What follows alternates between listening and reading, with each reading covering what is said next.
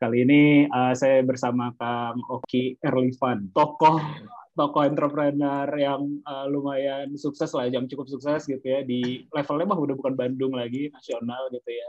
Dengan edu lab-nya, dengan edu global ya, dan juga belakangan mungkin 2-3 tahun terakhir terjun ke bidang teknologi ya, bikin startup teknologi dan juga hype ya.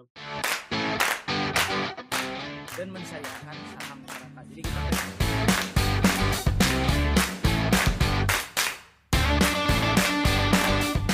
beda sama Jakarta kalau orang Bandung tuh uh, listing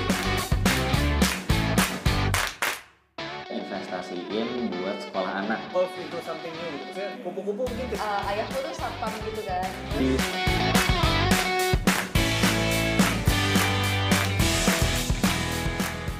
Apa kabar Kang by the way? Alhamdulillah baik baik. Gimana Panji kabarnya? Alhamdulillah baik juga. Terakhir kita ketemu ini ya pas masih di Bandung. Pas uh, di mall apa ya waktu itu ya? Uh, kayaknya selintasan doang tuh. Kayaknya udah covid belum sih itu ya? Yang Aja lupa di mana ketemunya. di kayaknya di ini deh di pokoknya aku mau nonton lah waktu itu sama istriku gitu. Nah, Kang Oki juga sama Teh Nana lagi kayaknya habis makan di situ. Aku baru datang. Oh, aduh. di ini ya di Oh, di ini di Pascal. Pascal, Hyper Pascal ya. Pascal. Iya iya iya iya. waktu itu belum belum belum pindah ke belum pindah ke eh, London ya Oh, bel- ta- tahun, Maksudnya- tahun berapa ya tuh? Tahun 2020 apa 2019 ya? ah, iya ya lupa juga ya kayaknya 2000 Kalau 2019 belum, 2020 udah udah di eh di London tuh bulan apa ya? Saya tuh Oktober akhir. Ak- Oktober akhir. Oktober dalam rangka apa sih kan Kalau Sekolah lagi. Nana kan emang lagi sekolah lagi kan. oh Heeh, Sih. kalau saya sih lagi ini aja eh, nyari sesuatu yang baru lah, tantangan baru. iya iya iya iya kita kenal sebenarnya kenal kenal nggak kenal ya dari dari zaman zaman zaman zaman kuliah. Dari zaman kampus ya. dari zaman zaman kampus. Nah dulu cuman aku kenal Kang Oki itu sebagai apa ya mungkin eh, satu adalah anak SBM tapi ngikut di kegiatan KM waktu itu jadi menteri ya Kang ya? Sempet ya? Iya, iya sempat jadi menteri. Uh, saya anak baru, Kang Oki jadi menteri, dan kayaknya dulu tuh apa ya keren banget lagi. Wah, masa sih? mungkin mungkin juga karena pen, misalnya anak SBM kan ini ya apa ya eh, nggak terlalu Eksklusif. Iya eksklusif lah, eksklusif nggak terlalu aktif. Eh, dulu kenapa tuh Kang? Kenapa jo- join ke kemahasiswaan terpusat dan eksis lah gitu di, di kampus? Tidak seperti anak SBM pada umumnya gitu. Kayaknya kalau sekarang SBM udah aktif, udah aktif ke mana-mana ya, karena eh, apa namanya ada yang di Jatinangor dan juga ada yang di kampus ITB yang di pusat ya, yang di Jalan Ganesa gitu. Ah. Sekarang sih memang SBM kalau saya lihat udah sangat melebur, udah sangat eh, inklusif lah dengan semuanya. Kalau dulu iya, karena mungkin karena kita nih anak paling baru ya, dan kita tuh belum punya kakak kelas Ah. dan sebagainya, jadi ya kita masih eh, awkward gitulah. Gitu. Tapi kalau alasan saya emang pengen bergabung apa pengen aktif di kemahasiswaan karena memang saya senang organisasi dari SMA. Jadi eh, dan kawan-kawan saya kan saya alumni dari, dari SMA 3 Bandung ya dan teman-teman saya kan kebanyakan dari eh, di departemen-departemen yang lain. Jadi kumpulnya sama teman-teman saya lagi yang dulu dari sekolah gitu. Jadi ya saya kira eh, ingin memperluas network juga karena percuma juga udah masuk ITB, masa cuma di situ-situ aja kan gitu. Gitu. Terus penja- apa ya ketemu berikutnya tuh kayaknya yang salah satu momen eh, saya ingat ya adalah ketika eh, waktu itu Edulab tuh udah udah gede gitu udah lumayan gede lah. Eh, terus kayaknya Kang Oki tuh mau rekrut eh, tim apa gitu. Nah waktu itu eh, saya termasuk yang oh, waktu itu diajakin sama istri saya gitu. Waktu itu belum jadi istri. Nih eh, si Beben gitu kan. Dia bilang "Eh, ini lagi nyari uh, pengajar atau apalah kayak gitu ya waktu itu. Nah, terus kita ngobrol-ngobrol di kantin SBM. Nah, itu pertama kali saya ke SBM sebenarnya. Jadi Oh gitu ya, wah. di, di kantin SBM, oh ini sebagai anak uh, teknik yang apa ya yang cupu gitu ya kelihatan kamu lihat SBM kelihatan mewah banget kan waktu itu baru pertama kali kok terus diajak ngobrol-ngobrol Iya. uh, akhirnya coba daftar waktu itu daftar barengannya sama si Eli Eli sekarang masih masih di ini ya Oh masih dia sekarang termasuk yang apa ya eh, pemegang kebijakan lah kepala sekolah ya atau atau kayak gitunya ya. sekolah Iya. iya. Dia Iya, kepala sekolah sekarang. sekolah. Nah waktu itu ngikut di situ sebenarnya waktu itu edu globalnya belum ada cuman edu lab. Nah waktu itu salah satu yang yang cukup apa ya menarik eh, saya kenapa akhirnya pengen daftar walaupun akhirnya nggak nggak tahu nggak diterima akhir atau di drop gitu. Karena waktu itu pas lagi tes itu sama Kang ini eh, Agun. Agun. sama Agun ya sama Ya. Agun kayak gitu. Terus saya telat lah terus apalah banyak banyak ide lah. Terus ngajarnya juga nggak oke gitu gitu nah eh, salah satunya adalah eh, salah satu yang menarik menurut saya adalah Kang Oki itu cerita tentang visi si edu globalnya waktu itu. Eh, bahwa pengen bikin sekolah yang seperti ini. Nggak bukan sekolah gratis justru. Justru mau sekolah tuh harus berbayar gini agar bisa ngasih sub- subsidi. Terus bahkan juga udah mikirin waktu itu cerita tentang kalau nggak salah ya cerita tentang eh, kayaknya nggak ada nggak perlu ada pelajaran PPKN deh kayak gitu. Nggak perlu ada pelajaran agama deh karena nilai yang sifatnya nilai-nilai luhur itu harusnya eh, sehari-hari integrate gitu. Nah itu dari mana tuh Kang pemikiran seperti itu? Dan apakah sekarang di eh, EduLab atau di Edu Global eh, seperti itu juga kah atau bagaimana? Oh iya iya, makasih ya sebelumnya. Jadi eh ya itu udah lama banget ya kita cerita itu tahun mungkin udah hampir 10 tahun kali ya. 2000 ya 2011 2012 mungkin ya. 2011 mungkin. Iya. Jadi pendidikan itu kan selalu develop ya. Di eh, dia itu selalu berkembang mengikuti sesuai dengan perkembangan zaman. Eh, begitu juga seperti perkembangan teknologi, perkembangan bisnis dan sebagainya. Nah, namun di Indonesia ini kan pendidikan kita itu termasuk eh, perkembangannya statis gitu, Eh, tidak ke mana-mana, begitu begitu saja gitu. Dari mana ini bisa dilihat? Tentunya kan harus ada dasar dong kalau kita ngomong pendidikan kita statis. Nah, kita ngelihat bahwa eh, apa namanya eh, Human Index Indonesia itu di secara global itu peringkat 107 ya. Jadi cenderung menurun dari eh, 200 dari 209 negara gitu. Artinya pendidikan kita itu tidak masuk ke minimal batas tengahnya dari seluruh dunia gitu. Hmm. Nah, dan juga eh, itu pertama bahwa eh, indeks human index kita lemah. Ya, kita bicara data. Yang kedua adalah eh, kalau kita tahu PISA ya, itu alat ukur untuk matematika dan reading. Itu juga kita rendah sekali gitu. Kita ada di peringkat peringkat bawah. Nah, lalu Indonesia standarnya tidak diakui oleh negara internasional, sehingga kalau kita mau sekolah ke luar negeri, itu kita harus mengambil IGCSE atau IB International Baccalaureate gitu. Nah, sehingga eh, standar kita ini sebenarnya tidak bisa dijadikan apa pun gitu. Nah, dengan dengan melihat eh, apa namanya kenyataan seperti ini, lalu apa yang harus dirubah kan harusnya kan begitu gitu ya. Nah, jadi saya ngelihat bahwa eh, orang Indonesia tuh jago sekali dalam matematika, dalam hitung-hitungan dia jago lah. Ya, dalam hitung-hitungan, terutama matematika, mungkin juga fisikanya juga jago ya. Tapi permasalahannya adalah eh, seberapa relevan pendidikan yang kita kita pelajari di sekolah SD sampai SMA dan bahkan kuliah dengan kondisi global saat ini Iya, betul. gitu bahwa setiap orang yang sekolah hari ini sudah harus menjadi global citizen. Jadi bukan hanya graduate dari A, graduate dari B, tapi dia juga harus menjadi global citizen gitu.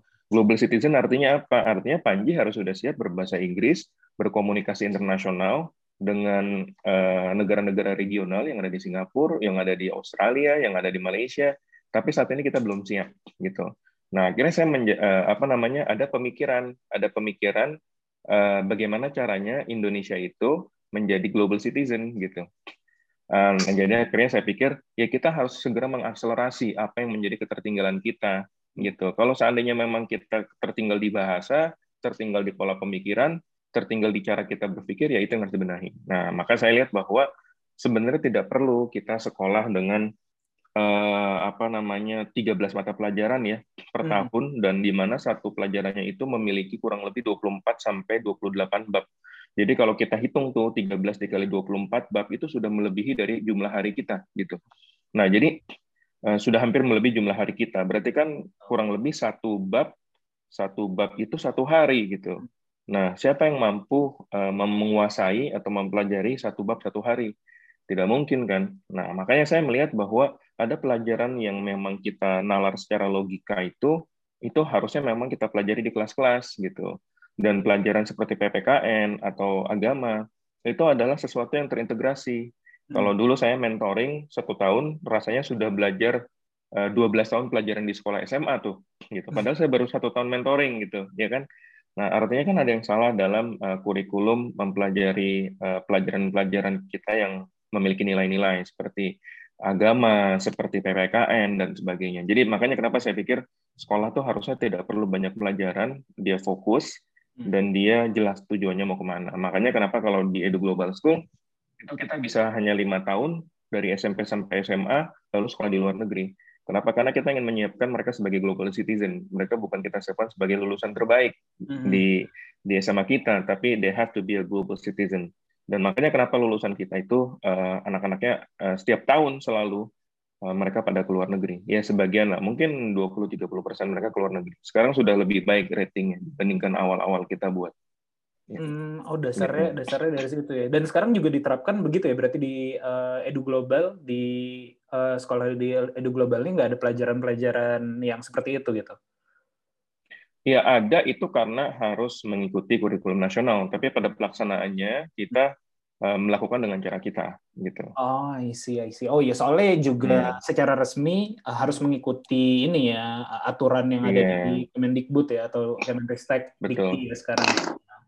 Ya, iya. menarik, menarik, menarik, menarik. Nah, uh, cuman sebelum itu kan uh, bikin edulab dulu ya. Edulab kan Betul. sebenarnya simpelnya adalah uh, lembaga bimbel gitu ya, lembaga les privat yeah. dan lembaga bimbel seperti itu. Yeah. Uh, yeah. Kebetulan saya juga uh, sama Beben itu bikin les privat juga uh, ketika hmm. tahun 2015 lah, tahun 2015an gitu. Levelnya memang jauh sih, maksudnya dibanding uh, edulab lah. Kita uh, privat ke rumah-rumah lah fokusnya seperti itu. Uh, nah, dalam dalam apa ya? Dalam keberjalanannya kita selalu uh, ya ini bisnis yang menarik gitu loh. Maksudnya les privat dengan skala yang kita miliki aja itu udah uh, udah ratusan siswa gitu loh dan ratusan pengajar juga dan uh, secara kalau kita ngomongin bisnis kan uh, ngomongin profit gitu ya ngomongin revenue gitu dan itu bagus gitu loh. Hmm. Cuman pada perjalanannya kita mengalami apa ya uh, dilema sebenarnya kalau bisa dibilang gitu.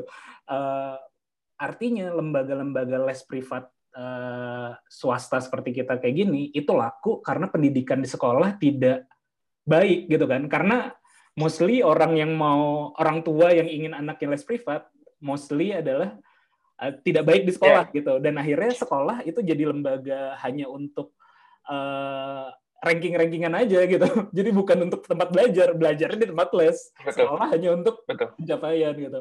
Nah, ketika ketika lebih dulu mendulukan eh, mendirikan EduLab apakah mengalami dilema kayak gitu juga sehingga bikin edu edu global atau ya ini sebagai modal lah gitu. Ya, betul. Memang uh, kita harus melihat idealisme dengan uh, realisme ya. Uh, kita uh, at one side uh, kita butuh uang buat makan, right? Uh, at, at the other side um, ini benar atau tidak gitu. Saya justru menemukan sesuatu yang menarik bahwa uh, bimbel dan dan dan privat itu adalah uh, opportunity yang sangat tepat untuk membantu siswa-siswa belajar karena sebenarnya hmm. tanpa bimbel dan tanpa les privat siswa itu nggak pernah belajar. Jadi Sebenarnya benarnya mereka belajar itu di tempat les privat dan di tempat bimbel. Justru sekolah itu bukan tempat belajar. That's the problem. Itu adalah permasalahan di Indonesia yang sebenarnya kita harus lihat dari sisi apa sudut pandang yang lain gitu. Saya juga dulu awalnya iya ini bimbel ngebodoh-bodohin ngebodoh-bodohin uh, siswa gitu ya atau mungkin bahkan bukan ngebodoh-bodohin bahasanya Uh, membuat siswa tuh menjadi manja dengan rumus-rumus cepatnya. Kalau di kami kan nggak pernah mau rumus cepat tuh kita kita nggak suka nggak suka tuh sama yang kayak gitu-gitu. Nah tapi kita ngelihat bahwa ketika mereka datang ke bimbel mereka antusias dibandingkan mereka datang ke sekolah. Ya kalau ke sekolah kan terpaksa kalau nggak absen gimana coba. Tapi ketika kita lihat evaluasinya dengan tryout mereka benar-benar nggak bisa apa-apa. Nah di situ kita pikir gila kalau seandainya kita nggak ada bimbel apa yang terjadi dengan mereka? Jangan-jangan mereka nggak belajar sama sekali dan akhirnya makin turun tuh human index-nya tuh. Hmm. Nah akhirnya kita lihat bahwa oh oke okay, oke kita mungkin lihatnya bahwa orang memframing kita uh, bukan kita ya. Uh, kalau EduLab itu kan memang tidak mengajarkan rumus cepat dan kita tidak suka hal-hal yang sangat simpel. Kalau bimbel lain saya nggak tahu terserah. Tapi setidaknya ini memperbaiki uh, mereka-mereka yang ingin mau belajar karena hasrat orang-orang yang mau belajar itu pasti yang punya uang. Pasti mereka yang punya uang lebih di dalam rumah tangganya gitu ya, keluarganya. Meskipun itu adalah bimbel murah, tapi itu adalah privilege buat sebagian besar mereka dengan memiliki uang lebih sedikit, uang lebih tersebut untuk belajar. Nah, dan mereka beneran belajar gitu. Ya terlepas nanti mereka dapat pacar di tempat les dan ketemu teman-temannya, tapi mereka belajar at least karena mereka mengejar tryout dan mereka ingin lulus.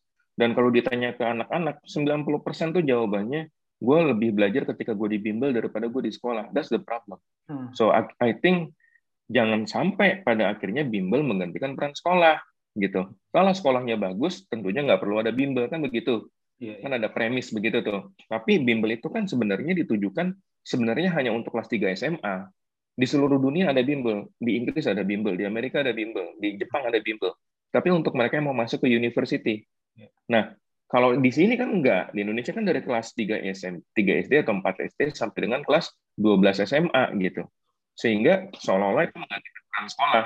Jadi uh, bimbel melihat peluang bahwa ini sekolah kayaknya harus dibantu dari segi ini. Akhirnya dibikinlah segmentasi yang sebenarnya di seluruh dunia itu nggak nggak seperti ini gitu. Hmm. Di kebanyakan mayoritas negara-negara maju itu tidak seperti ini. Nah, jadi saya kira permasalahannya bukan di bimbelnya sih, tapi di sistem pendidikannya yang hmm. akhirnya ada celah seperti ini dan apakah ini baik atau tidak itu yang harus kita tanya. Apakah bimbel ini sebenarnya memperbaiki uh, taraf pendidikan di Indonesia atau tidak. Nah, itu yang harus sebenarnya uh, polemiknya di situ gitu. Jadi saya pikir masalahnya justru masih perlu ada sekolah atau enggak. Nah, itu dibalik jangan-jangan. Dibalik ya. Gitu. iya. Nah itu itu problem banget sih. Nah, uh, saya saya baru tahu kalau di negara lain juga ada bimbel, uh, tapi hanya ada. untuk uh, level uh, kelas 3 mau masuk ke university kayak gitu ya, kelas 3 SMA Oh iya iya. Saya pernah iya sih kalau kalau di Jepang saya tahu ada yang kayak gitu gitu karena memang ya. Cuman nggak tahu kalau hanya untuk kelas 3. Nah, kalau di, di di luar negeri itu kalau sepengetahuan Kang Oki uh, yang dipelajari apa? Karena memang uh, tes masuknya spesifik gitu. Uh, berbeda dengan ujian nasionalnya kah kalau ada atau apa segitu. Iya. Seperti halnya begini, kalau Panji mau keluar negeri pengen ngambil S2, pasti teman uh, pasti Panji ngambil IELTS yeah. atau TOEFL, ya Hmm. Saya jamin nggak akan bisa belajar sendiri. Cobain aja. Hmm. Bisa, tapi mungkin hasilnya tidak akan memuaskan. Hmm. Bisa, tapi tidak akan memuaskan. Mungkin Panji bisa belajar sendiri, tapi ya kembali lagi hasilnya mungkin tidak akan terlalu memuaskan ya.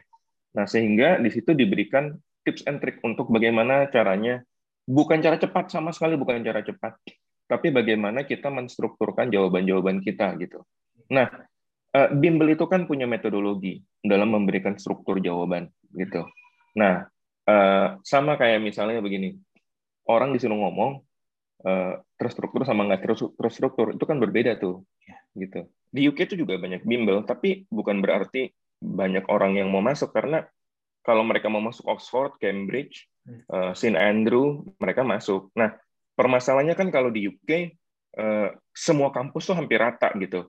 Hmm. Meskipun meskipun Oxford itu yang sama Cambridge yang paling bagus, hmm. bukan berarti saya masuk di tempat lain nggak bagus karena mereka itu spesialis per subjek, hmm. bukan per uni kayak ITB itu semua yeah. bagus gitu. Jadi mereka betul-betul rata. Misalnya saya mau ngambil mau ngambil teknik mesin, oh itu adanya di Leeds apa di di Southampton. Hmm. Kalau saya pengen ngambil teknik transportasi, uh, specifically tentang transportasi sistem dan sebagainya itu ada di Leeds. Kalau saya pengen ngambil uh, apa namanya uh, mesin yang lain itu ada di Nottingham itu nggak ada di Oxford gitu yeah, nah iya. jadi uh, apa namanya uh, sering kali kita uh, tanda kutip ya memonopoli satu kampus itu yang terbaik untuk semua. Nah itu yang jadi masalah. Akhirnya orang pengen masuknya ke kampus itu gitu. Hmm. gitu. Iya yeah, itu padahal kan menarik banget sih. Uh, saya juga di podcast ini beberapa kayaknya beberapa bulan yang lalu sempat ngobrol sama startup founder yang bikin scooters. Si Radium kalau kenal Radium Ikono. Uh, hmm.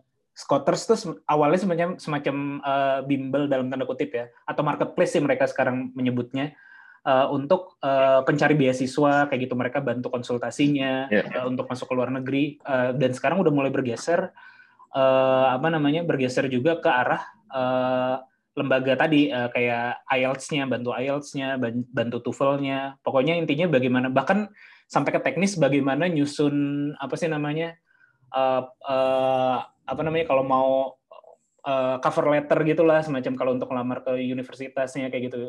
Dan visinya juga bagus sih, ingin ingin tadi ya sama mungkin yang seperti yang ingin dilakukan oleh Kang Oki gitu ya, biar masyarakat Indonesia nih banyak yang belajar keluar gitu kan, dan juga eh, ya biar jadi global citizen gitu, itu itu itu yang saya, saya tangkap dari dia. Karena kan kita selalu ngomongin apa ya, ya mungkin Kang, Kang Oki juga lagi di London ya sekarang. Kita kan selalu eh, mikirin kenapa India tuh bisa maju, Cina bisa maju. Mereka salah satu tahap mereka mencapai maju adalah mereka harus melakukan brain drain brain drain itu kan artinya uh, masih apa uh, yang orang-orang pintarnya di luar apa orang-orang pintarnya di dalam uh, kekurangan karena pada keluar semua. Itu salah satu syarat untuk jadi negara maju gitu kalau kita lihat ke trennya gitu ya. Nah Indonesia boro-boro gitu brain drain gitu. Belum belum sampai ke tahap itu. Makanya mungkin salah satu metodenya adalah oke okay, keluar keluar keluar sekolah keluar sekolah keluar atau belajar di luar biar rata-rata uh, kan kalau udah belajar di luar ingin ya berkarir juga mungkin di sana kayak gitu gitu sih. Iya, iya, betul, betul, betul bahwa uh, kita sekarang itu harus berpikirnya global bahwa kalau kita sudah lulus dari kampus mana pun kita berada di S1, seharusnya mereka segera keluar negeri, siapa pun itu, gitu. Bukan untuk tinggal di luar negeri, itu menjadi pilihan nanti, tapi kita harus uh, menjadi global citizen, gitu. Pada saat kita menjadi global citizen, kita tahu apa yang terjadi di luar, dan kita tahu uh, kenapa mereka berpikir seperti itu. Kita tahu perkembangan teknologi yang terbaik seperti itu. Kalau di Indonesia baru ngomongin mobil listrik, di, di luar itu sudah ngomongin mobil hidrogen, hmm. gitu. Jadi uh, mobil listrik itu sudah sudah sudah lewat satu step gitu. Sekarang kita bicara tentang uh, hidro, mobil hidrogen gitu. Nanti uh, muncul lagi hidrogen itu mengen, uh, menggunakan uh, nuklir dan sebagainya. Bukan bukan nuklir buat perang ya, tapi pembangkitnya dari mesin uh, uh, dari motor tersebut. Jadi saya kira uh, kita sudah tertinggal kurang lebih sekitar 20 tahun nih kalau kita bicara ke ilmuwan gitu. Mungkin 20 atau 25 tahun. So I think kita harus catch up dengan relevansi yang terjadi di luar sana karena kalau enggak kita akan menjadi negara konsumer terus gitu. Iya betul betul betul.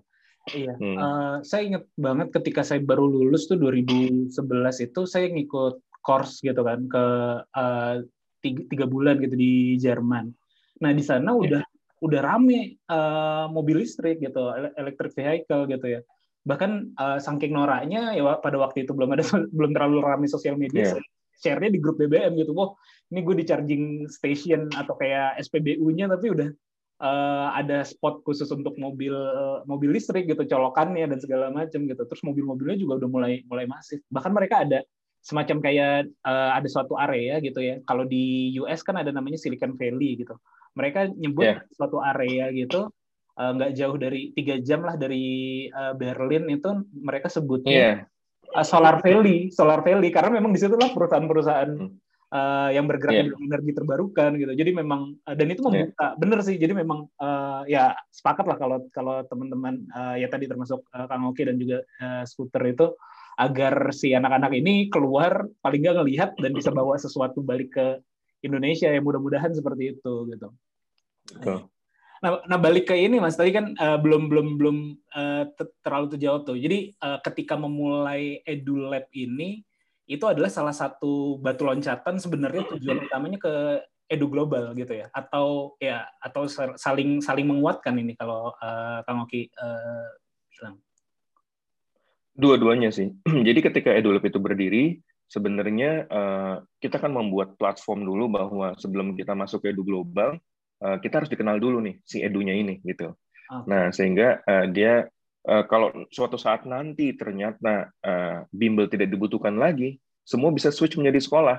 Jadi saya bisa, udah punya 100 sekolah nanti gitu. Uh-huh. Nah jadi saya kira uh, itu menjadi bagian dari uh, apa path kita. Tapi sampai sejauh ini kita ngeliat itu masih mutualis aja.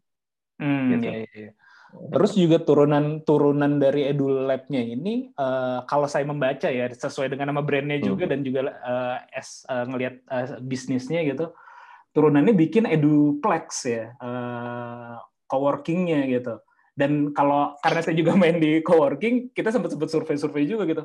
Oh ternyata anak-anak yang coworking di EduPlex ya, terutama yang di Bandung kan waktu itu sempat saya hmm. lihat ada di Cirebon, di di beberapa kota lah gitu ya adalah Iya. eh, siswa-siswa yang les di edulab gitu jadi kayak oh ini Betul. kayaknya memang eh, coworking atau tempat belajar lagi nih tempat ngumpul lagi untuk anak-anak eh, yang les Iya. gitu itu jadi jadi saling support ya kayak gitu ya Iya, itu sebenarnya ekosistem. Jadi setelah mereka lulus dari dari eh, sekolah, kan mereka kuliah kan.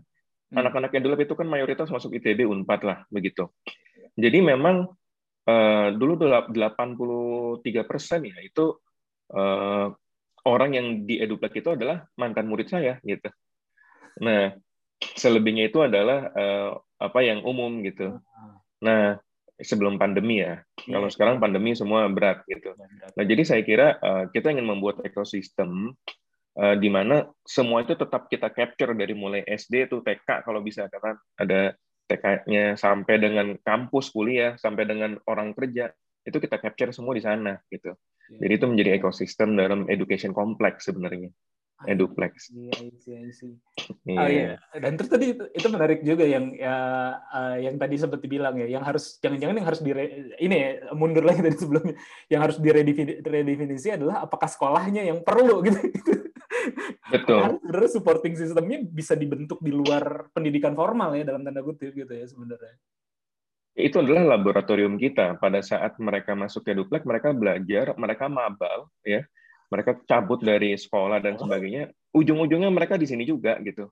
Jadi sebenarnya kalau guru-guru mau nyari itu anak-anak mabal pada ke mana, itu tempat kita semua ketemu tuh anak-anaknya. Dan mereka belajar di sana gitu. Dan itu men- menjadi menarik. Kenapa mereka mabal tapi belajar? Sebenarnya it's simply that they want to find a convenience place untuk belajar gitu. Dan Eduplek itu memfasilitasi tempat nyaman untuk belajar. Ya Hmm. mungkin orang lihatnya coworking space dan sebagainya. Saya tahu bahwa eh, coworking space itu sangat niche dan segmented banget. Ya, Hmm. kalau kita nggak tepat eh, memiliki value di situ, itu berat sebenarnya. Hmm. Nah, jadi saya ngeliat bahwa ya kita nggak bisa menjadi coworking space semata gitu. Iya, coworking space boleh, tapi kita sebenarnya harus punya ekosistemnya karena coworking space juga hidup karena ekosistem, gitu loh. Betul. Nah, makanya kenapa Eduplex itu memiliki ekosistem pendidikan dan kita kan punya perusahaan lain di bidang kesehatan ya, Medulab namanya. Iya, itu untuk dokter-dokter gitu. Jadi eh, kita juga punya derivatif lain dari Edulab itu adalah Medulab, Medical Education Laboratory. Itu buat anak-anak yang mau koas. Ya akhirnya ketemulah dari mulai dokter, dari mulai anak ITB, anak Unpad, mereka kumpul di situ. Bahkan sampai ada yang bikin bisnis bareng. Jadi saya kira ekosistem ini penting akhirnya untuk mensupport mereka agar mereka eh, merasa beneficial gitu, benefited gitu dari coworking space yang kita miliki itu sih. Iya, iya, Gitu. betul, betul. Saya jadi ingat juga kan eh, beberapa tahun silam sempat eh, saya nggak hadir sih di di forum tersebut, cuman ada tim saya yang ikut dari ruang mereka. Waktu itu ada inisiasi pembentukan eh, asosiasi coworking Indonesia sama si Ya. eh, Faye, Faye. ya Faye Iya. dari eh, Bali ya waktu itu ketemu di Koenko, terus eh, ada tim saya yang ikut gitu, cuman saya nggak hadir. Eh, terus saya tanya gimana ininya, itu ada salah satunya yang menarik ngomong si eh, Kang Oki, dia bilang kayak gitu kan dari Eduplex. Dia bilang tapi nggak ikut nggak nggak apa-apa kan? Gitu. Maksudnya saya di asosiasi nggak ikut nggak apa-apa kan, nggak wajib kan? Gitu. Terus jadi menarik. Oh iya. Siapa yang, Kenapa? siapa yang ngomong gitu? Dirimu. Oh iya, oh iya waktu itu iya iya iya, iya. saya tahu. Saya ingat saya ingat itu. dirimu dan bilang "Eh, ya oke lah ada asosiasi tapi nggak ikut nggak apa-apa kan mungkin karena waktu itu kalau saya ngeliat oh iya berarti memang ya satu eh, ya mungkin ada itikat baiknya juga gitu tergabung dalam asosiasi tapi nggak ikut juga nggak apa-apa mungkin segmennya berbeda mungkin eh, cara aturan mainnya berbeda gitu Eh, toh kita tetap di invite di grupnya kan sebenarnya walaupun nggak ikut dalam Iya. apa ya namanya dalam asosiasi resminya lah tapi, itu sebagai player Hmm. tetap di invite di itunya gitu sih Iya iya. Kenapa tuh Kang by, by the way waktu itu? waktu itu begitu. Ah, gimana ya? Iya, bagi saya yang paling penting itu eh, kita punya gerakan real yang bisa dilihat oleh orang sih, gitu. Karena eh, memang betul asosiasi itu membuat kuat, tapi sekarang menurut saya eh, tidak membutuhkan itu. eh, justru banyak asosiasi juga nggak terlalu banyak dilihat gitu ya. Ya, memang mereka pasti ada ada kolaborasi dengan pihak-pihak stakeholder government atau apa pun. Tapi menurut saya ya itu kan pertanyaannya benefitnya apa buat anggota gitu. Iya. Terus eh, apa namanya eh, seberapa impact kita ke sana gitu. Kita punya asosiasi gitu. Bukan berarti nggak bagus, ya artinya ya nggak apa-apa. Kalau mau ikut bagus, kalau nggak juga nggak apa-apa gitu. Karena kan at the end of the day ini kan bisnis ya. Iya. Bisa nggak asosiasi itu menghidupi bisnis kita gitu kan? Jangan sampai nggak bisa ngehidupin, kita udah berasosiasi nggak bisa ngehidupin gitu. Ya kan? Nanti malah gitu aja. kirain ini kan kirain ya salah satunya saya mikir oh mungkin karena beda segmennya dan kedua saya, saya mikirnya oh karena saya nggak nggak nggak ngeliat langsung dialog tersebut itu saya cuma dapat ceritanya doang kan Eh, saya pikir oh ini Kang Oki emang tipikal dari dulu kan orang pergerakan kan dia melawan hegemoni nih kerjaannya Oh. iya. ya, ya, Ya, saya kira apa ya? Sebenarnya enggak bukan kita nggak mau bersosialisasi sih. Kita sebenarnya juga baik kok sama saya sama Faye sangat baik sekali gitu. ya, ya, ya. Sama teman-teman yang lain baik gitu. Kita ketemu beberapa kali dan kita banyak banyak apa ya kolaborasi juga gitu. Kita baik. Eh ya kalau dibilang beda segmen ya mungkin iya. Cuman eh kita tahu lah eh, di dalam dunia bisnis itu sehebat apa pun asosiasi kalau sudah ada rajanya nanti yang datang gitu ya orang pemilik capital yang besar terus dia eh, dia invest besar di satu coworking space atau dua coworking space sebenarnya lewat juga nih asosiasi gitu Iya, iya. betul gitu karena kan ini permainan capital gitu itu sih Iya, betul, betul. Iya, dan tadi juga menarik ya balik-balik ke eh, Eduplex, eh, Edulab dan juga ya eh, turunannya juga tadi ada Medulab ya. Eh, saya, saya juga melihat si plangnya itu ya Eh, dan eh, Edu Global. Eh, itu kan penciptaan ekosistem gitu. Nah, itu hal yang sama juga yang saya temukan eh, di ya tadi ya di bimbel atau les privat yang sempat saya dirikan gitu ya. Eh, kita melihat Hmm, ya ini kan sebenarnya eh, cara kita untuk men-capture atau me- mendapatkan market market yang captive ya. Kalau kalau Eduplex, oke, eh, ya dalam dalam kompleks itu udah ada EduLab, udah ada eh, Edu Global sehingga ya kurang lebih mainnya akan ke situ juga gitu. Nah dalam dalam les privat yang saya eh, buat atau saya jalankan pada waktu itu, saya mikir juga gitu gitu. Daripada, nah ini juga mungkin tadi ada agak kontradiktif dengan value yang tadi di, di ini kan ya. Karena eh, saya melihat kan rata-rata nih kita kalau kita lihat data rata-rata yang privat di kita tuh pada betah gitu pada awet kayak tiga tahun lima tahun enam tahun kalau yang dari muda gitu eh, dari kecil gitu. Makanya makin ke sini gitu ya kita mencoba men- menyasar memang yang makin muda gitu ya dari SD gitu ya. Dari SD bahkan nggak mesti kelas 6 gitu Eh, dari kelas 4 dari kelas 5 karena eh, kalau di produk atau di startup teknologi kan kita selalu ngomongin masalah lifetime value kayak gitu kan atau uh, churn-nya si eh, market kita gitu. Kita lihat dari situ oh ya kalau gue ngincernya kelas 4 cost-nya cost yang aku keluarkan sama dengan eh, yang aku untuk ngerekrut anak kelas 3 SMA kayak gitu misalnya. Tapi kalau anak kelas 4 SD atau anak kelas 6 SD dia kemungkinan bertahannya masih enam tahun nih memakai produk kita gitu dalam tanda kutip memakai service kita. Tapi kalau yang kelas 3 SMA kita cost cost rekrutmen mereka, cash acquisition mereka itu sama dengan anak SD, tapi cuma satu tahun bertahannya kayak gitu. jadi jadi eh, ya makin ke sini. Walaupun tadi kalau kalau dibandingkan dengan luar negeri jadi eh, jadi ya kontradiktif gitu. Dan, ya itu balik lagi ke dilema tadi sih jadinya gue bikin ini Iya. ya karena karena sekolah sebagai institusi pendidikan tidak bekerja dengan baik gitu sistemnya nggak bagus jadi ini laku gitu kalau menurut Oki gimana tuh kalau kayak gitu nggak ada masalah sih. Sebenarnya setiap perusahaan itu memiliki strategi masing-masing Ah. ya. Eh, kalau kita bicara stickiness ya kita bicara stickiness dari dari sebuah eh, apa namanya segmen ya. Ya saya kira eh, kalau EduLab sendiri ya alhamdulillah sebelum pasca sebelum pandemik ya kita itu hampir di semua cabang itu full meskipun dari satu segmen only. Jadi kita membuktikan dengan kualitas yang mereka kejar itu kan pasti adalah kualitas. Gimana caranya mereka bisa masuk ke PTN yang mereka inginkan gitu. Sehingga ya mereka meskipun udah pada lulus, adik kelasnya muncul lagi, adik kelasnya muncul lagi. Dan kita memang nggak cukup eh, bangunannya gitu. Sampai-sampai ya istilah- istilahnya udah kayak showroom mobil gitu, mobil melebar keluar. Tapi ya betul kalau misalnya kita bicara kelas 4, 5, 6 SD, stickiness mereka pasti nanti akan muncul, muncul, muncul lagi.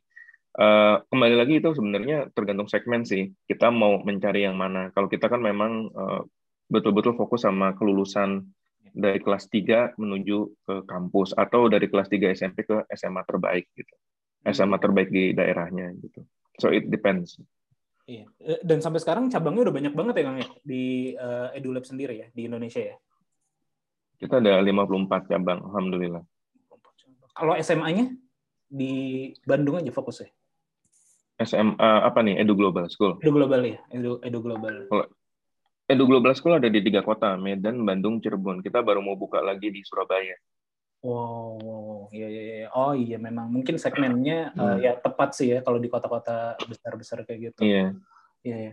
Nah, uh, masuk ke uh, Trip Logic nih Kang. Uh, mulai itu dari mana tuh ide awalnya? Kalau saya lihat kan juga agak mengoptimalkan eduplex yang udah ada gitu ya, uh, kompleks eduplexnya sebagai kalau nggak salah di awal-awal itu sebagai checkpointnya gitu ya atau drop pointnya ya untuk yeah. untuk itu. Iya, iya, iya. Nah. Iya sebenarnya ide ide Triplogic itu ketika saya di Inggris ya kan kebetulan eh, dulu kita ada ada ada ada rumah lah ya terus udah gitu ada anak-anak yang ngekos di tempat saya gitu ya teman-teman kita juga lah gitu. Anak-anak ITB yang ngekos di tempat saya. Terus mereka sering pulang uh, dan mereka sering overweight.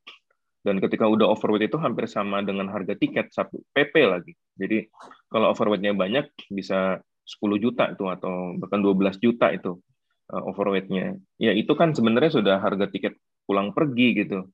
Nah saya pikir kenapa nggak dititipin ke orang yang memang nggak punya space banyak itu sehingga menjadi optimal dan dia menjadi efisien Nah, prinsipnya adalah bagaimana kita uh, mengoptimalkan baggage sharing sebagai uh, apa namanya uh, metode logistiknya, hmm. gitu. Nah, lalu kita aplikasikan dalam uh, dalam keadaan yang real di Indonesia seperti di Jakarta ya tadi banyak orang punya truk habis nanti barang baliknya lagi kan kosong gitu ya.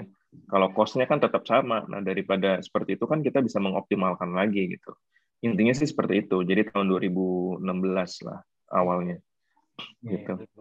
Dan itu ekspansinya uh, cukup cepat ya kalau saya lihat ya. Maksudnya uh, dan uh, saya pengen nanya ini sih sebenarnya bagaimana Kang Oki kan waktu itu juga sebenarnya kuliah gitu, terus balik lagi ke Indonesia sudah menjalankan bisnis yang established juga gitu ya, EduLab gitu. Dan walaupun established pasti kan tetap ada tantangannya dan uh, sebagai owner dan juga uh, direksi di sana pasti uh, in charge juga gitu, uh, disibukkan dengan manajemen juga gitu tapi punya kapasitas untuk membangun sesuatu yang baru lagi dari nol lagi gitu. Uh, dan jugglingnya gimana sih pada waktu itu gitu. Dan dua-duanya atau tiga-tiganya bisa dibilang kalau sebagai entitas yang berbeda itu berjalan dengan baik kayak gitu.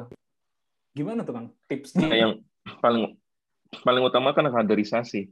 Uh, bagaimana kita menciptakan leader-leader yang baru di bawah kepemimpinan kita dan dia harus bisa handal. Makanya saya S2-in tuh teman-teman beneran saya kasih beasiswa oh, iya. semua tuh beberapa tim kita ya kita S2-in karena kita tahu bahwa uh, apa namanya mereka butuh knowledge lagi yang lebih untuk memegang perusahaan ini gitu.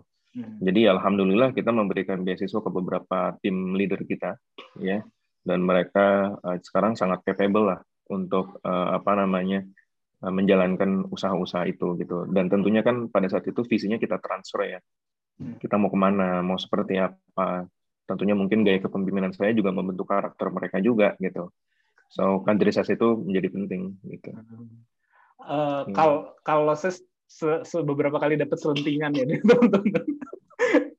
uh, kalau Oki ini tipikal yang tegas gitu ya atau atau bisa dibilang kalau dalam menjalankan di usahanya tuh bisa dibilang galak lah dalam tanda kutip itu itu benar nggak kayak gitu rumornya iya mungkin benar juga ya. Maksudnya begini, uh, ini yang uh, kalau pada saat kita bicara tentang uang, gitu, maka kita bicara tentang tanggung jawab kan.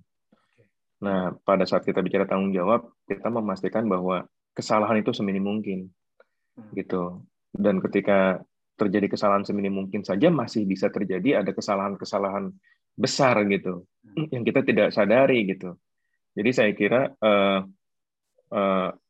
pada saat kita sebenarnya bukan bukan galak ya tegas kali ya. Ya memang ada saatnya di mana kita harus galak juga ada gitu. Tergantung kita ingin ingin mengarahkan ke mana. Tapi yang jelas mereka harus merasakan energi saya gitu. Hmm. saya juga bisa lucu saya juga bisa santai saya juga sangat bisa uh, benar-benar apa ya uh, santai banget. Jadi uh, mereka harus tahu gitu uh, bahwa ini ada energi seperti ini, ada visi seperti ini, ada arah yang kita kembangkan. Jadi teman-teman harus merasakan vibe yang sama gitu. Kalau kita terlalu santai, ya istilahnya kekeluargaan dan sebagainya, susah banget. Saya punya 1.200 karyawan gitu dan mengelola itu semua sangat sulit gitu. Jadi akhirnya kita harus memastikan tim piramida paling tingginya itu memiliki energi yang spirit yang tinggi gitu. Ya tentunya spirit yang tinggi itu kan ada dua nih yang menjadi tracknya. Yang satu adalah visinya harus dicapai, target-targetnya harus dicapai. Ya, yang kedua memang ya ada tekanan di situ gitu, hmm. tekanan tanggung jawab gitu. Jadi jangan sampai pada saat kita sekarang sedang kayak begini kita tidak merasakan punya tanggung jawab nah itu yang jadi masalah gitu karena kalau mau nyantai ya jangan kerja kalau mau kerja ya jangan santai gitu oh, gitu mantap mantap mantap ya kan? nah, gitu. uh, Kak, berarti itu ya, berarti kaderisasi dan juga mungkin ya tadi tegas gitu ya dalam dalam dalam ini. Uh, nah kalau untuk uh, kalau kita ngomongin kaderisasi kan itu berjenjang gitu ya, dan juga kan kita harus melihat track record juga kan.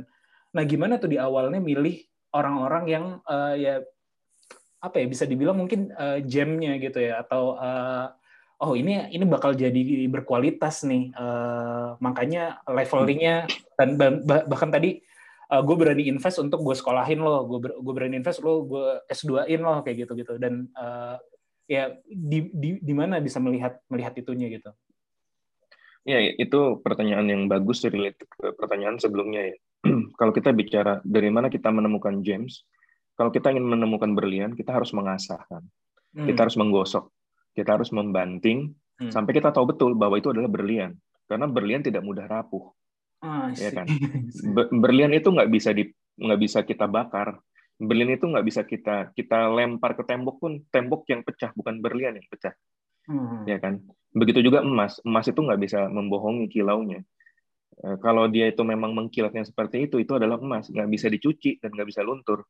Hmm. Jadi tentunya tekanan itu menjadi salah satu tools atau metode untuk melihat gems dan emas. Hmm. Mereka itu betulan emas atau bukan. Seringkali kita baper ya sekarang. Hmm. Cuman dalam dunia bisnis itu sangat kejam gitu. Hmm. Lu masih mending dimarahin sama atasan lu, hmm. belum dimarahin sama satu kampung klien gitu.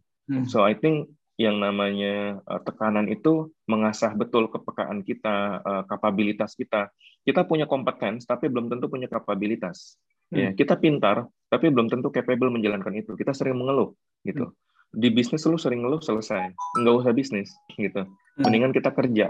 Kalau kita sukanya ngeluh ya kerja aja gitu. Ya, ya. Jangan jangan ikutan bisnis gitu. Tapi kalau kita bicara pengen kerja, kita pasti pengen masuk ke dalam uh, the highest uh, apa namanya ladder gitu ya uh, dalam kepemimpinan tertinggi kan tangga paling tinggi tapi gimana kita mau masuk ke tangga paling tinggi kalau kita nggak pernah ditempa dengan tekanan gitu jadi saya kira itu adalah bagian dari metode kaderisasi ya uh, tanda kutip galak bukan galak ya apa pun itu so called uh, galak atau apa ya itu adalah bagian dari memoles gitu hampir semua leader saya udah pernah nangis nangis tuh gitu kalau misalnya saya udah marah gitu itu udah biasa Hmm. Tapi kita nggak pernah banting meja, banting kursi, enggak.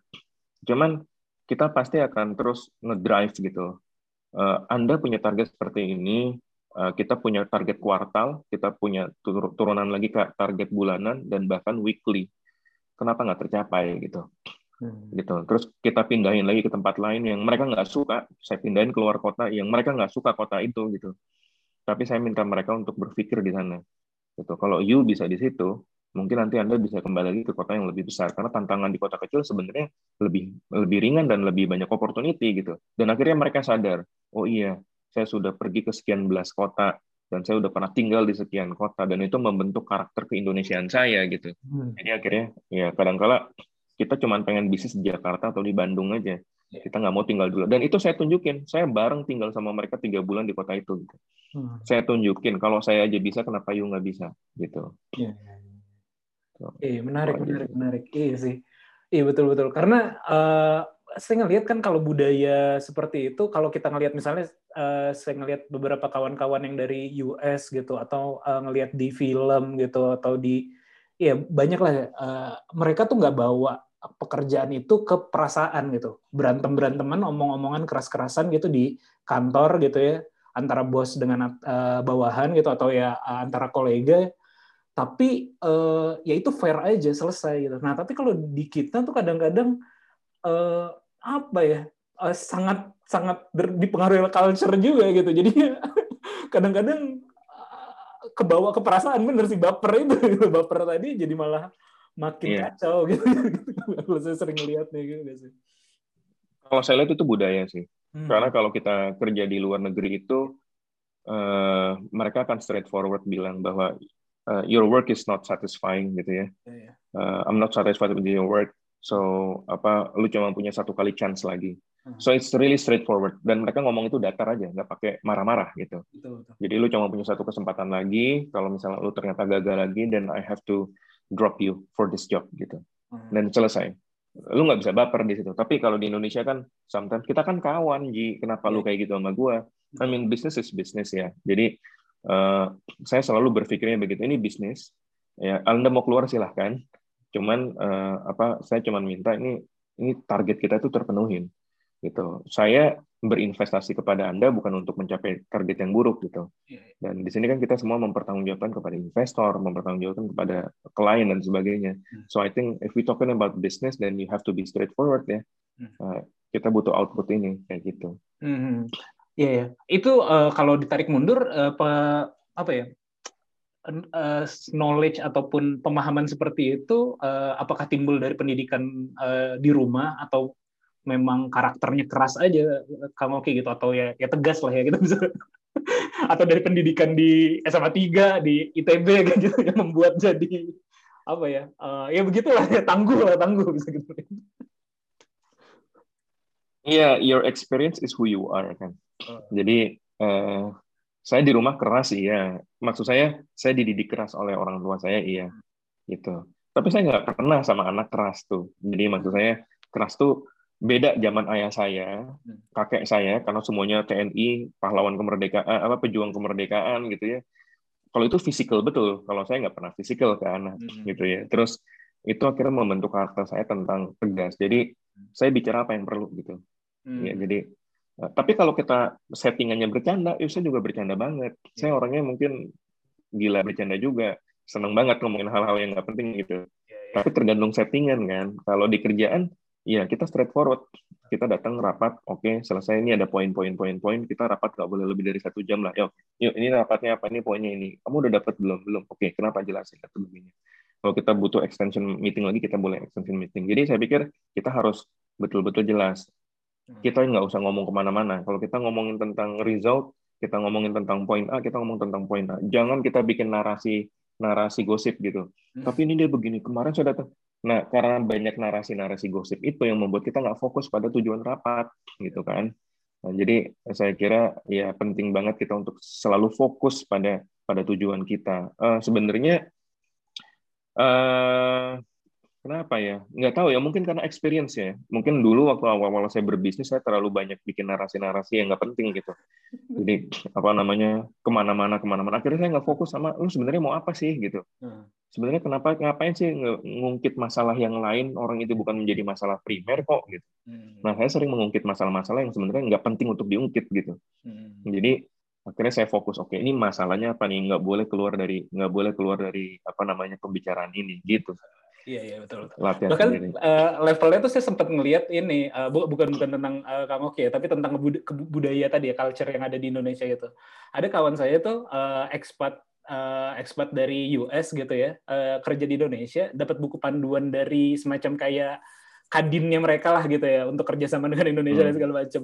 Salah satu di situnya adalah tentang meetings gitu. Meetings bilang 15 sampai 30 menit awal chit chat atau gosip kayak gitu. Jadi udah ada panduan nih lo kalau mau orang-orang Indonesia 15 menit awal sampai 30 menit uh, chit chat lah gitu atau gosip-gosip gitu. Bahkan sampai diatur betul di banget. Gitu. betul banget. Iya. betul. Ya. jadi emang kita kalau kalau meeting sama orang Indo itu pasti kita eh apa kabar? Kemarin dari mana nih? Ya uh, ya artinya itu nggak dilakukan sebelum meeting gitu. Uh, harusnya itu yeah, sebelum yeah. meeting. Yeah, yeah. gitu. Uh, Nah, kalau balik ke uh, Triplogic nih Kang, ini kan uh, salah satu uh, startup bisa dibilang atau ya perusahaan yang bergerak di bidang ya tadi ya udah jelaskan jasa logistik yang mengandalkan traveler. Nah, kan COVID kemarin uh, melanda terutama yang paling terdampak kalau saya lihat uh, wisata dan juga traveling karena kan pasti ada travel ban kayak gitu gitu. Nah, gimana tuh Kang uh, Triplogic menghadapi ini? Sebenarnya pada saat awal COVID kita mendapatkan apa namanya uh, hmm. Angkutan yang sangat luar biasa ya, gitu, uh, sangat tinggi sekali gitu, uh, apa namanya deliverynya dan justru logistik meningkat pada waktu itu. Hmm. Cuman saya melihat uh, 4.0 itu tidak bisa mendisrupt logistik untuk saat ini. Saya orang yang pertama berani mengatakan itu. Gitu. Hmm. Ya karena permasalahan dalam dunia logistik atau supply chain itu banyak banget, hmm. terutama masalah human. Ya. Uh, sulit, sulit sekali lah uh, apa namanya masalah human ini menjadi salah satu tantangan yang big challenges gitu. Nah makanya kenapa saya sekarang pivot saya sekarang hmm. pivot sedang membangun mobil listrik di sini gitu karena hmm. salah satu yang menjadi permasalahan cost logistik itu adalah fuel consumption gitu fuel consumption itu menjadi uh, menjadi cost yang paling yang menjadi salah satu cost terbesar di dalam dunia transportation logistik hmm. nah makanya saya dan teman-teman sekarang akhirnya mengembangkan mobil listrik gitu di UK dan oh. di Indonesia juga Oh jadi uh, trip logiknya sebenarnya secara COVID tidak terlalu terdampak, tapi justru malah uh, apa ya berdasarkan uh, yang terjadi di lapangan, Kang Oki melihat oh ini tidak bisa didekati dengan cara 4.0 itu ya bisa dibilang gitu ya, pendekatan digital, no. titip titip hmm. barang, titip uh, karena memang lebih rumit gitu ya. Uh, logistik as a whole gitu ya, bukan sekedar uh, dalam tanda kutip uh, ya tadi nitip bagasi kayak gitu-gitu ya. Ceruknya hmm. tidak tidak tidak cukup besar ya Kang ya untuk untuk untuk disrupsi di situ ya. Hmm. Kalau bicara dunia logistik itu gila sekali hmm. itu ribuan triliun itu di situ. Hmm. Yeah. Jadi iya. dan nggak ada winner takes all di sana. Nggak ada hmm. satu pemain pun yang bisa memenangkan dunia logistik. Uh, you name it, siapa pun nama besar di sana nggak ada yang bisa menang dalam dunia logistik. Uh, tapi dunia logistik itu uh, apa namanya ya di kita tuh harus full of insurance lah karena kalau enggak itu sangat berbahaya sekali baik itu kehilangan barang kerusakan barang atau apa pun itu nah tapi saya melihat bahwa regulasinya infrastruktur akhirnya itu belum siap untuk uh, apa namanya um, disruption di sini muncul gitu dari 4.0. Jadi saya kira mungkin mungkin tiga tahun lagi pada saat regulasinya sudah baik 4.0 bisa masuk. Karena saya pada saat menganalisis itu saya nggak main-main untuk analisisnya gitu bahwa oh kayaknya 4.0 pada akhirnya mereka kembali pada pada apa namanya uh, metode manual gitu. Saya saya sangat banyak teman-teman orang logistik ujung-ujungnya kembali pada metode manual hmm. ya ada menggunakan IT itu hanya untuk ya mostly adalah dokumentasi saja dokumentasi history agar lebih rapi tapi tidak bisa mendistract uh, significantly at the moment gitu iya, iya betul betul Uh, saya juga sempat sempat cukup mendalami beberapa hal di bidang uh, dalam konteks besarnya adalah BPO ya, business process outsourcing. Nah, salah satu halnya adalah kan hmm. Eh, logistik ini adalah salah satu eh, unsur kalau kita dalam ngomongin uh, bisnis to bisnis gitu ya. Ini adalah salah satu unsur yang di outsourcingkan eh, di outsourcingkan gitu ya. Uh, termasuk juga yeah. mungkin coworking atau office office rent kayak gitu gitu office management kan salah satu yang konteksnya BPO itu ya business process outsourcing. Dan memang uh, ya kalau kita ngomongin uh, ya bisa jadi sih sebenarnya bisa jadi ya. Dan dan ya mungkin ya kalau kita udah menjalani dan saya lihat juga dapat sempat dapat investment yang cukup besar berarti udah udah dan ini arahnya pivot ke arah justru malah ke core-nya ya, ke transportation-nya ya, ke vehicle-nya gitu ya.